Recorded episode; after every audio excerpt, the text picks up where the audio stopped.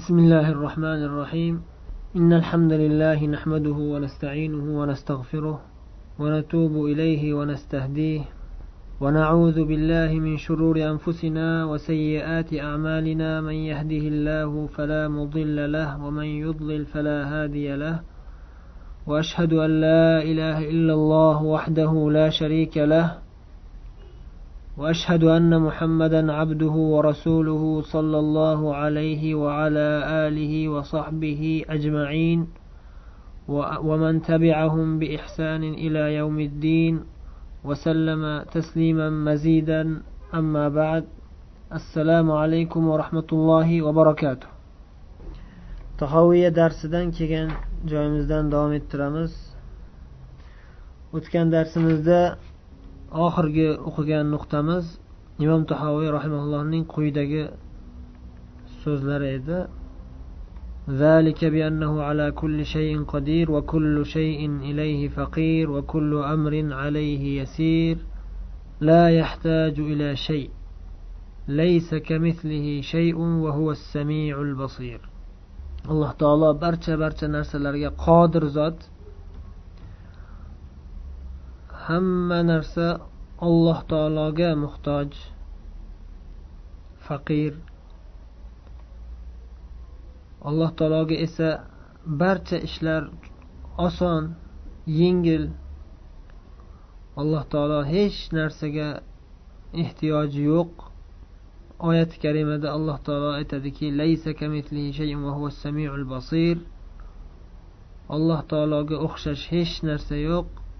Va u zot eshitib turuvchi va ko'rib turuvchi zotdir. Mana shu nuqtaga kelib to'xtagandik qisqacha yengil sharhlab undan keyingi nuqtada imom tahoviy rahimaulloh aytyaptilarki alloh taolo barcha maxluqotlarni o'zining ilmi bilan yaratdi. Ya'ni nima qilishini va nima qilayotganini bilib turgan holida alloh taolo yaratdi. Alloh taolo qur'oni karimda aytganidek ala ya'lamu man xalaqa va huval latiful xabir alloh taolo o'zi yaratgan bandalarini bilmaydimi? Vaholanki u zot latif va xabir bo'lgan zot.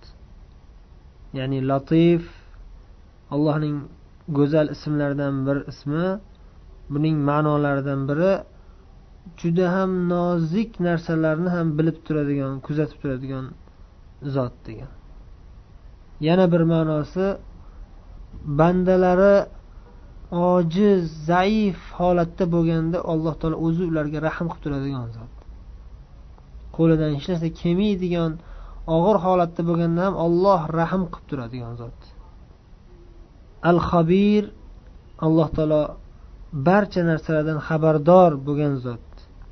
Hamma narsani bilib turadigan hamma narsadan xabari bor bo'lgan zot degan. Yana alloh taolo aytadi qur'oni karimda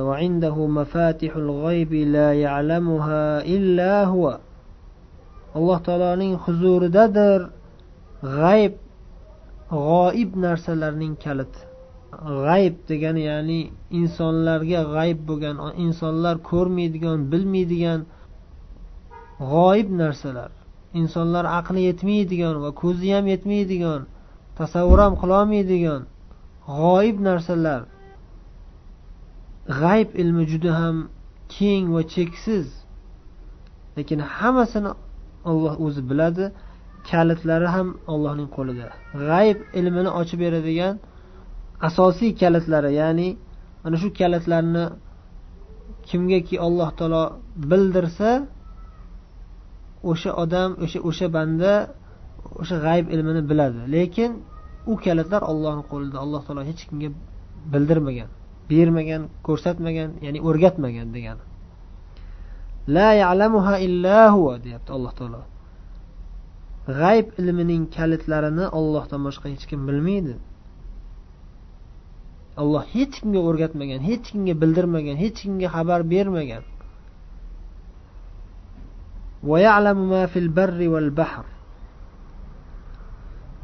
Oyatni davomida alloh taolo aytyaptiki quruqlikdagi va dengizdagi narsalarning ham barchasini olloh o'zi bilib turadi.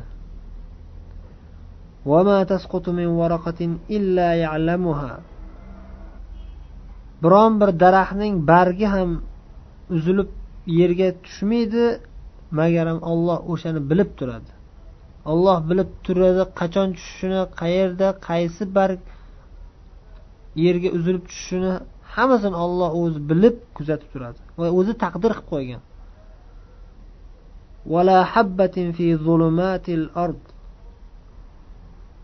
Yer qorong'ulari ichidagi donlarni ham biron bir don ham yo'qki biron bir urug' ham yo'qki yer ichida yer tagidagi yer zulmatlarini ostida hech kim ko'rmaydigan bekinib yotgan donlar urug'lar birontasi ham yo'qki vala rotbin biron bir ho'l narsa ham yo'q vala yabisin biron bir quruq narsa ham yo'q illa fi kitabin mubin.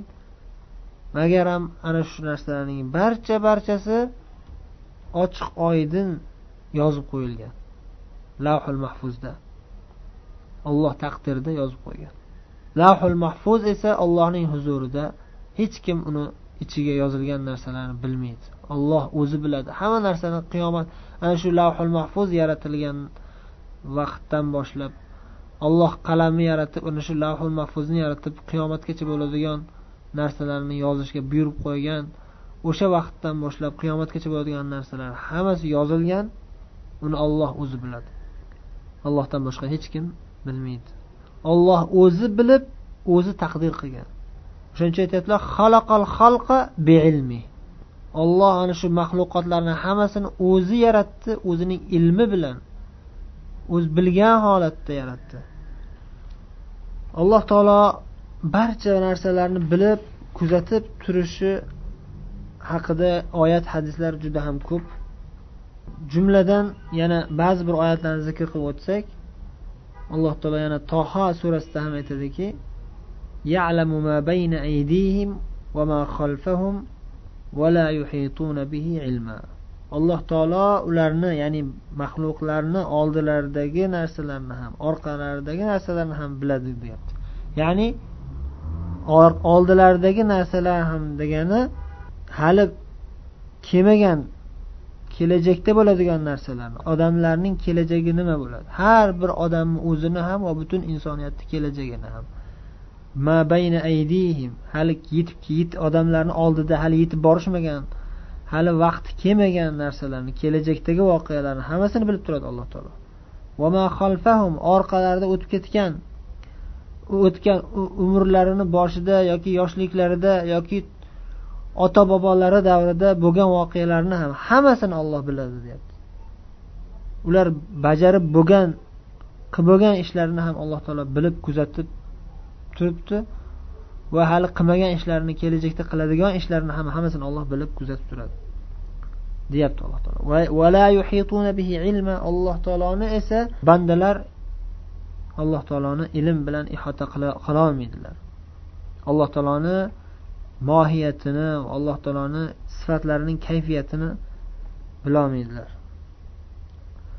alloh taolo esa hamma narsani bilib turadi يعلم ما كان وما يكون وما لم يكن لو كان كيف يكون deyiladiku ya'ni ulamolar sharhda aytishadi alloh taoloni ilmi alloh hamma narsani biladi deganimizda nima degan ma'noda bo'ladi alloh taolo hamma narsani biladi deyishimiz nima degani? Nimalarni o'z ichiga oladi?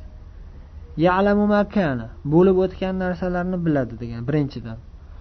Vama yakunu ikkinchidan kelajakda bo'ladigan yoki hozir bo'layotgan voqealarni hozir bo'layotgan va kelajakdagi bo'ladigan narsalarni biladi degan o'tgan zamondagi birinchi hozirgi zamondagi ikkinchi kelajakdagi uchinchi hammasini biladi.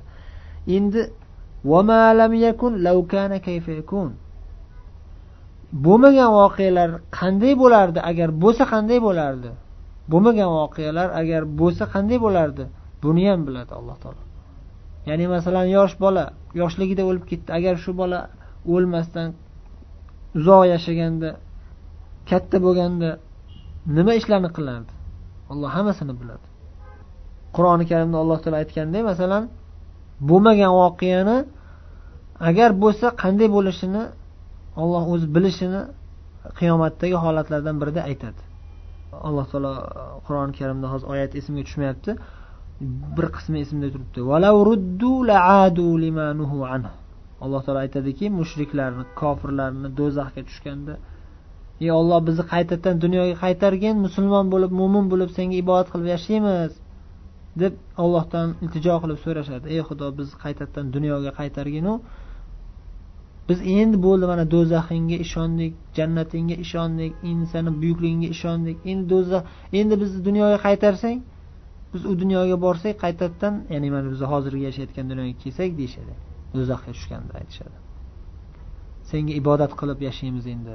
Tavba qildik mana endi bizga qaytadan yana muhlat bergin deyishadi. Shunda alloh taolo aytdiki agar ular dunyoga qaytarilsalar yana o'sha qaytarilgan ishlarni qiladilar. Shirk kufr harom ishlarga yana kirib ketadilar. Ya'ni alloh taolo biladi mushriklar kofirlar do'zaxga tushgandan keyin ular bo'ldi tavba qildik deyishsa ham yana agar qaytadan dunyoga qaytarilsa ular yana o'sha ish, ishini qiladi. Olloh buni biladi. لا يعزب عنه مثقال ذرة في السماوات ولا في الأرض ولا أصغر من ذلك ولا أكبر الله تعالى yana qur'oni karimni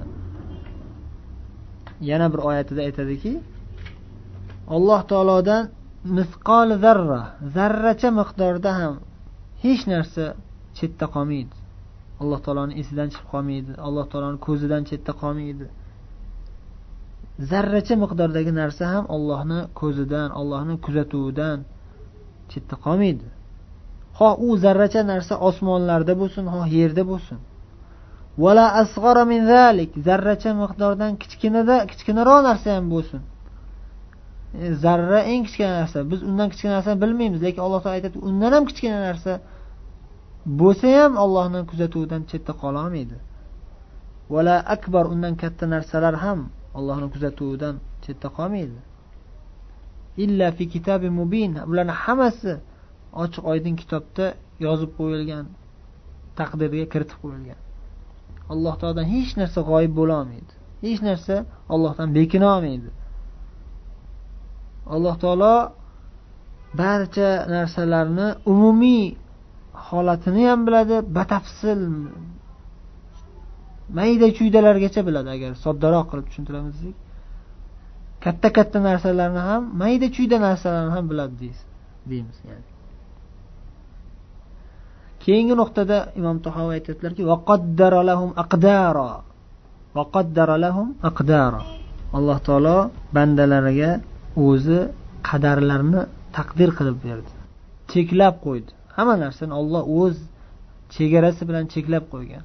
Va o'sha o'zini chegarasida yurgan yurishlarini ham qandayligini hammasini o'zi chizib qo'ygan alloh taolo. Alloh taolo qur'oni karimda aytadiki alloh taolo hamma narsani yaratdi va ularni taqdir bilan o'lchab qo'ydi. Qanday bo'lishini taqdir qilib yozib qo'ydi alloh taolo. Yana boshqa oyatda aytadi inna kulla shayin biqadar. Alloh taolo biz barcha alloh taolo aytadiki biz barcha narsalarni beqadar o'lchov bilan yaratdik taqdir bilan yaratdik degani vallohi qadaron maqduro yana boshqa oyatda. Alloh taoloning amri taqdiri buyrug'i qadaron maqduro o'lchab qo'yilgan qadar taqdir ya'ni o'zgarmaydi. Olloh qanday yozib qo'ygan bo'lsa o'shanday bo'ladi. Alloh taolo kavniy buyruq bilan buyurgan voqealar alloh buyurgandek bo'ladi. Sabbihismi robbikal a'la. Allazi xalaqa fasawwa vallazi qaddara fahada. Eng oliy bo'lgan parvardigoringizni poklang ulug'lang. U zot shunday zotki xalaqa yaratdi fasavva va yurg'izdi. Savva ya'ni ma'lum bir hay'atga solib qo'ydi. Vallazi qaddara fahada va u zot shunday zotki taqdir qildi hamma narsani fahada bas yo'llab qo'ydi hidoyatga boshlab qo'ydi ya'ni haq yo'lni ko'rsatib qo'ydi xohlagan odam haq yo'lga yuradi xohlagan odam zalolatga kirib ketadi alloh o'zi yo'lni ochiq ko'rsatib qo'ydi lekin kim haq yo'lga ergashadi kim zalolatga ketadi buni ham taqdirda yozib qo'ygan alloh taolo taqdir hamma narsani o'z ichiga olgan. Hech narsa alloh taqdiridan chetda qolmaydi. Kofirlarni kofir bo'lishi ham taqdirda yozilgan. Alloh taolo o'zi o'sha narsani bilgan azaldan va taqdirda yozib qo'ygan kim kofir bo'lishini. Faqat uni yashirib qo'ygan. Olloh o'zi yashirib bekitib qo'ygan. Hech kim bilmaydi. Illo olloh o'zi bildirgan farishtalar biladi.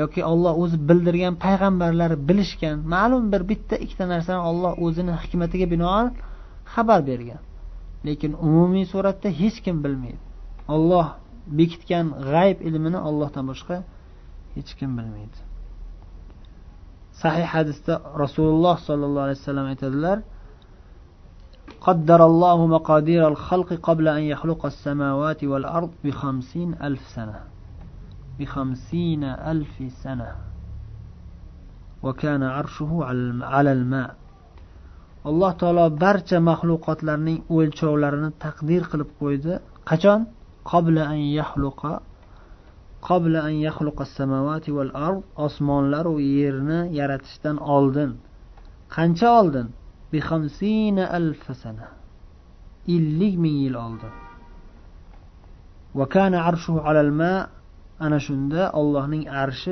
suvni tepasida edi. Ya'ni alloh taolo taqdirlarni yozgan payt arsh bor edi. Va suv ham bor edi. Arsh suvni tepasida edi. Bu suv tepadagi suv yerdagi suv emas. Osmonda yettinchi qavatni tepasidagi suv. Buni kattaligini chegarasini ollohdan boshqa hech kim bilolmaydi. Bu juda ham buyuk juda ham katta juda ham keng okean ummon deysizmi? Juda ham katta okean juda ham buyuk suv. Buni tepasida arsh arsh undan ham buyuk undan ham katta undan ham ulug' keyin ellik ming yil o'tgandan keyin ya'ni alloh taolo ellik ming yil oldin yozib qo'ygan taqdirni osmon yer osmonu yerlar yaratishdan oldin odam alayhissalom yaratilishidan oldin ellik ming yil oldin bo'lyapti. Ellik ming yil o'tgandan keyin alloh taolo osmonlaru yerni yaratdi keyin odam alayhissalomni yaratdi. Osmonlaru yerni yaratgandan keyin alloh taolo arsh ustiga ko'tarildi. Shu ellik ming yil undan ham ko'p muddat arsh suvni tepasida turgan. Alloh taolo arsh ustiga ko'tarilmagan. Lekin arsh o'zining qo'l ostida. Butun koinot ollohni qo'l ostida.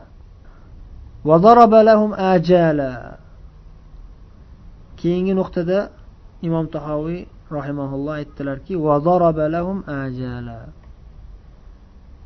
ularni ya'ni maxluqotlarni ajalini ham tayinlab qo'ydi alloh taolo. Ajal ya'ni muayyan bir muddat umr umrlarini shu yaratilgan yaratilishidan boshlab halok qilinishi yo'q bo'lib ketish kungacha qancha vaqt bor? Hammasini alloh o'zi belgilab qo'ygan tayinlab qo'ygan. Yo'q bo'lib ketgandan keyin qaytadan tirilish vaqti ham qachon bo'ladi? Hammasini olloh yozib qo'ygan.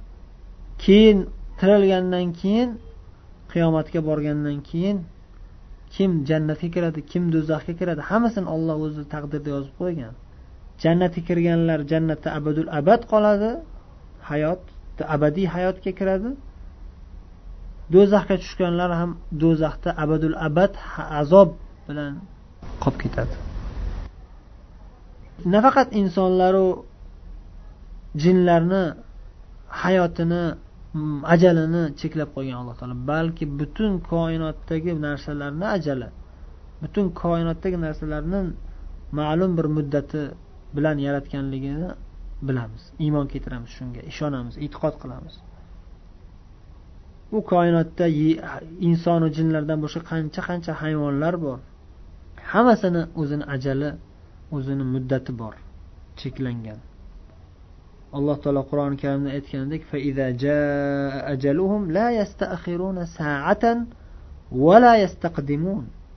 ularning ajallari ya'ni nihoyalari cheklab qo'yilgan muddatlari tugagandan keyin o'sha muddat kelganda ya'ni nihoyasi ajali kelgan ularning ajallari yetib kelganda la yastaxiruna saa bir lahza ham kechikmaydilar.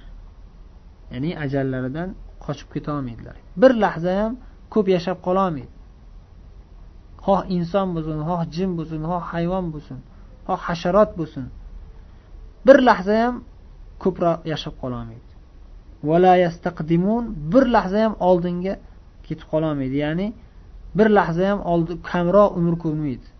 Kimgaki alloh taolo yetmish yilu bir oyu o'n kunu o'n soatu o'n minutu o'n bir sekund umr ko'radi desa bir sekund ertaroq o'lib qolmaydi. O'sha cheklangan vaqtda aytilgan belgilangan vaqtda o'ladi bir sekund ham kech qolmaydi وما كان لنفس أن تموت إلا بإذن الله كتابا مؤجلا alloh taolo yana boshqa oyatda aytadi hech qaysi bir jonzot o'lishi mumkin emas magaram ollohning izni bilan ollohning taqdiri bilan kitaba muajjala muayyan bir ajal muayyan bir muddat bilan cheklab qo'yilgan holda Yozib qo'yilgan. Kitaba muajjala shuni muayyan bir cheklab qo'yilgan muddat bilan yozilgan degan. Sahih muslimda abdulloh ibn masud roziyallohu anhudan rivoyat qilingan hadis kelgan. Ummu habiba roziyallohu anhu payg'ambarimiz sallallohu alayhi vasallam ayollari ummul mo'minin ummu habiba rasululloh sollallohu alayhi vasallamni oldilarida duo qiladilar. Ummu habiba duo qilyaptilar payg'ambarimizni huzurlarida. Payg'ambarimizni ayollari.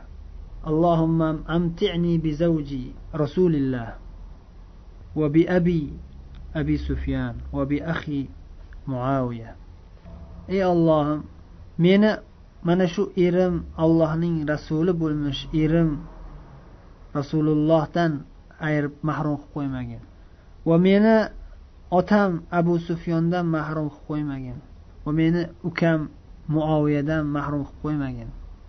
mana shularni erimni dadamni ukamni doim men bilan birga qilgin shular bilan birga yashaylik shularni doimo hayot qilgin degan ma'noda duo qildilar shunda nabiy sollallohu alayhi vasallam aytdilarki قد سألت الله لآجال مضروبة وأيام معدودة وأرزاق مقسومة لن يعجل شيئا قبل أجله ولن يؤخر شيئا عن أجله ولو كنت سألت الله أن يعيذك من عذاب في النار وعذاب في القبر كان خيرا وأفضل rasululloh sollallohu alayhi vasallam ummu habibaga aytdilarki siz duo qilib so'ragan narsangiz ajalin madrub allohdan siz belgilab tayinlab qo'yib bo'lingan ajal ajalni mudda ma'lum bir muddat bilan cheklab qo'yilgan ajalni so'rayapsiz o'zgartirishni so'rayapsizmi? Ma'duda sanoqli kunlarni va arzoqi maqsuma taqsimlab qo'yilgan taqsimlab aniq belgilab ajratib bo'lingan rizq nasibalarni o'zgartirilishini so'rayapsizmi? Lan shay'an qabla ajali. Ajali kelmasdan turib hech qaysi bir narsani oldinroq olib ketib qolmaydi alloh taolo. Shay'an an ajali. Ajali kelgandan keyin yana ham ko'proq yashasin deb turib kechiktirib kechiktirib ham qo'ymaydi alloh taolo. Yashayversin qo'yaveringlar deb alloh taolo o'zgartirmaydi bu narsalarni. Taqdirda yozib qo'yib bo'lgan. Siz yaxshiroq duo qilishingiz uchun boshqa muhimroq narsaga iltijo qilishingiz kerak edi. Muhimroq narsani so'rab iltijo qilishingiz kerak edi alloh taolodan. Degan ma'noda aytdilarki do'zax azobidan qabr azobidan panohingga olib meni o'zing saqlagin deb so'raganingizda yaxshiroq bo'lardi afzalroq bo'lardi dedilar rasululloh sollallohu alayhi vasallam vaholanki do'zaxga tushish tushmasligi ham qabrda azoblanishi azoblanmasligi ham taqdirda yozib qo'yilgan. Hech narsani o'zgartirib bo'lmaydi. Lekin bu dolzarroq masala. Birovni umrini uzoqroq bo'lishini so'ragandan ko'ra do'zaxdan salomat bo'lishni so'rash kerak. Bu muhimroq masala demoqchilar. Ammo lekin taqdir masalasida ikkalasi bir xil narsa. U ham taqdirda yozib qo'yilgan bu ham taqdirda yozib qo'yilgan. Lekin uni ham hech kim bilmaydi buni ham hech kim bilmaydi ollohdan boshqa. Alloh buyurgan ishni qilishimiz kerak. Biz bilmagan ishimizga aralashmaslik. Bu nuqtalar bilan kimga rad berilmoqchi? Ya'ni nima uchun aqidada buni alohida ta'kidlayapmiz? Qur'oni sunnatda juda ko'p oyatlar takror takror zikr qilingan alloh taolo o'zi ta'kidlab qo'ygan. Hamma narsani bilib turishligini hamma narsani kuzatib turishligini hamma narsani o'zini taqdiri bilan cheklab yaratganligini kim qancha yashashi qanday yashashi hammasini olloh biladi va o'zi taqdirda yozib qo'ygan kim o'zi shunday yaratgan hatto. Alloh taolo o'zi shunday yaratgan. Va shu bilan birga har bir insonga o'ziga yarasha qudratini kuch quvvatini bergan har bir har birimizda. Har kim o'zini mundoq tekshirib qarasa o'zini mundoq o'ylab qarasa o'zini imkoniyati bor qudrati yetarli kuch quvvati bor aqlu tasavvuri aqlu tafakkuri bor o'zi yaxshi yomon narsani ajrata oladi haq botil narsani ajrata oladi xohlagan yo'lidan yura oladi xohlagan dinga kira oladi o'zini ixtiyori berilgan o'ziga. Hamma narsani alloh taolo shunday yaratgan. Mana shu narsalarni ta'kidlab o'tishdan maqsad nima? Maqsad bu adashgan toifalar bor. Shu narsani tushunmasdan qur'on sunnatni yaxshi o'rganmasdan o'zini noqis kallasiga murojaat qilgan. Islom tarixida shunday toifalar chiqqan. Qur'oni hadisni chekkaga ikkinchi darajaga qo'yib qo'yib allaqaydagi odamlarni fikriga murojaat qilib allaqaydagi falsafachilarni kitobiga murojaat qilib xato yo'llarga kirib ketgan. Zalolat yo'llariga kirib ketishgan toifalar bor. Ayni shu taqdir masalasida ikkita toifa ikki tomonga burilib ketib qolgan. O'rta yo'lda haqiqat yo'lida ahli sunna va jamoa sobit qadam davom etib kelishgan. Qur'oni sunnat yo'lida. Ammo lekin biz ham musulmonmiz degan toifalarni ichida ayni shu masalada haligi aytganimizdek zalolat ketib qolgan ikki xil toifa bo'lgan. Bittasi bu yoqqa qarab bittasi u yoqqa qarab burilib ketgan.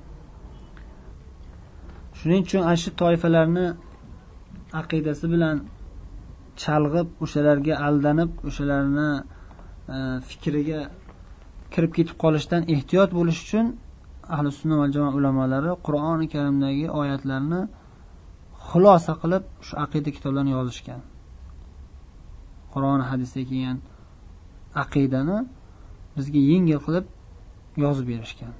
Bu narsalar ochiq oydin haqiqat. Alloh taoloning mukammal sifatlari bu. Butun maxluqotlarni alloh taolo o'zining ilmi qudrati bilan yaratgan. Alloh taolo hech narsadan ojiz emas. Hamma narsaga qodir zot va hamma narsani bilib kuzatib turadigan zot. Hamma narsani o'zi cheklab qo'ygan. Chegarasi bilan cheklab qo'ygan alloh. Taqdirini mukammal darajada yozib bitib qo'ygan. Keyingi nuqtada aytadilar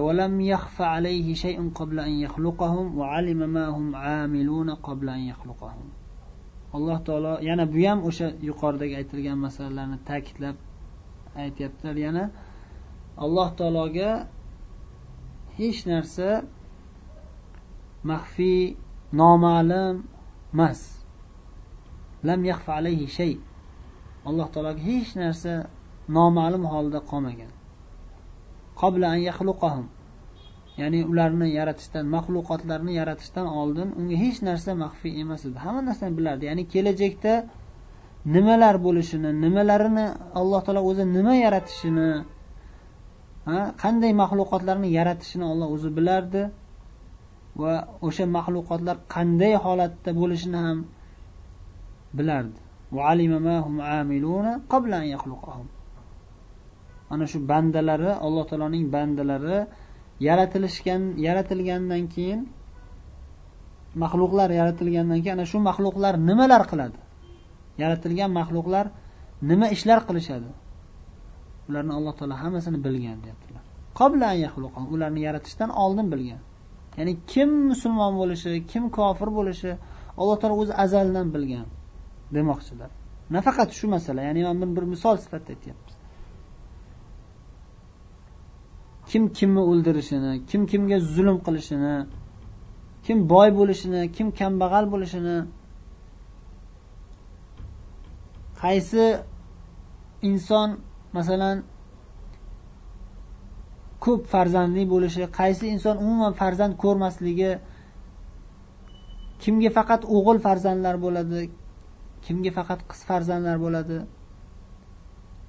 kim o'g'il bola bo'lib yaratiladi kim qiz bola bo'lib yaratiladi hammasini olloh o'zi bilgan va o'zi taqdir qilgan bu narsalarni alloh hammasini o'zi taqdir qilgan.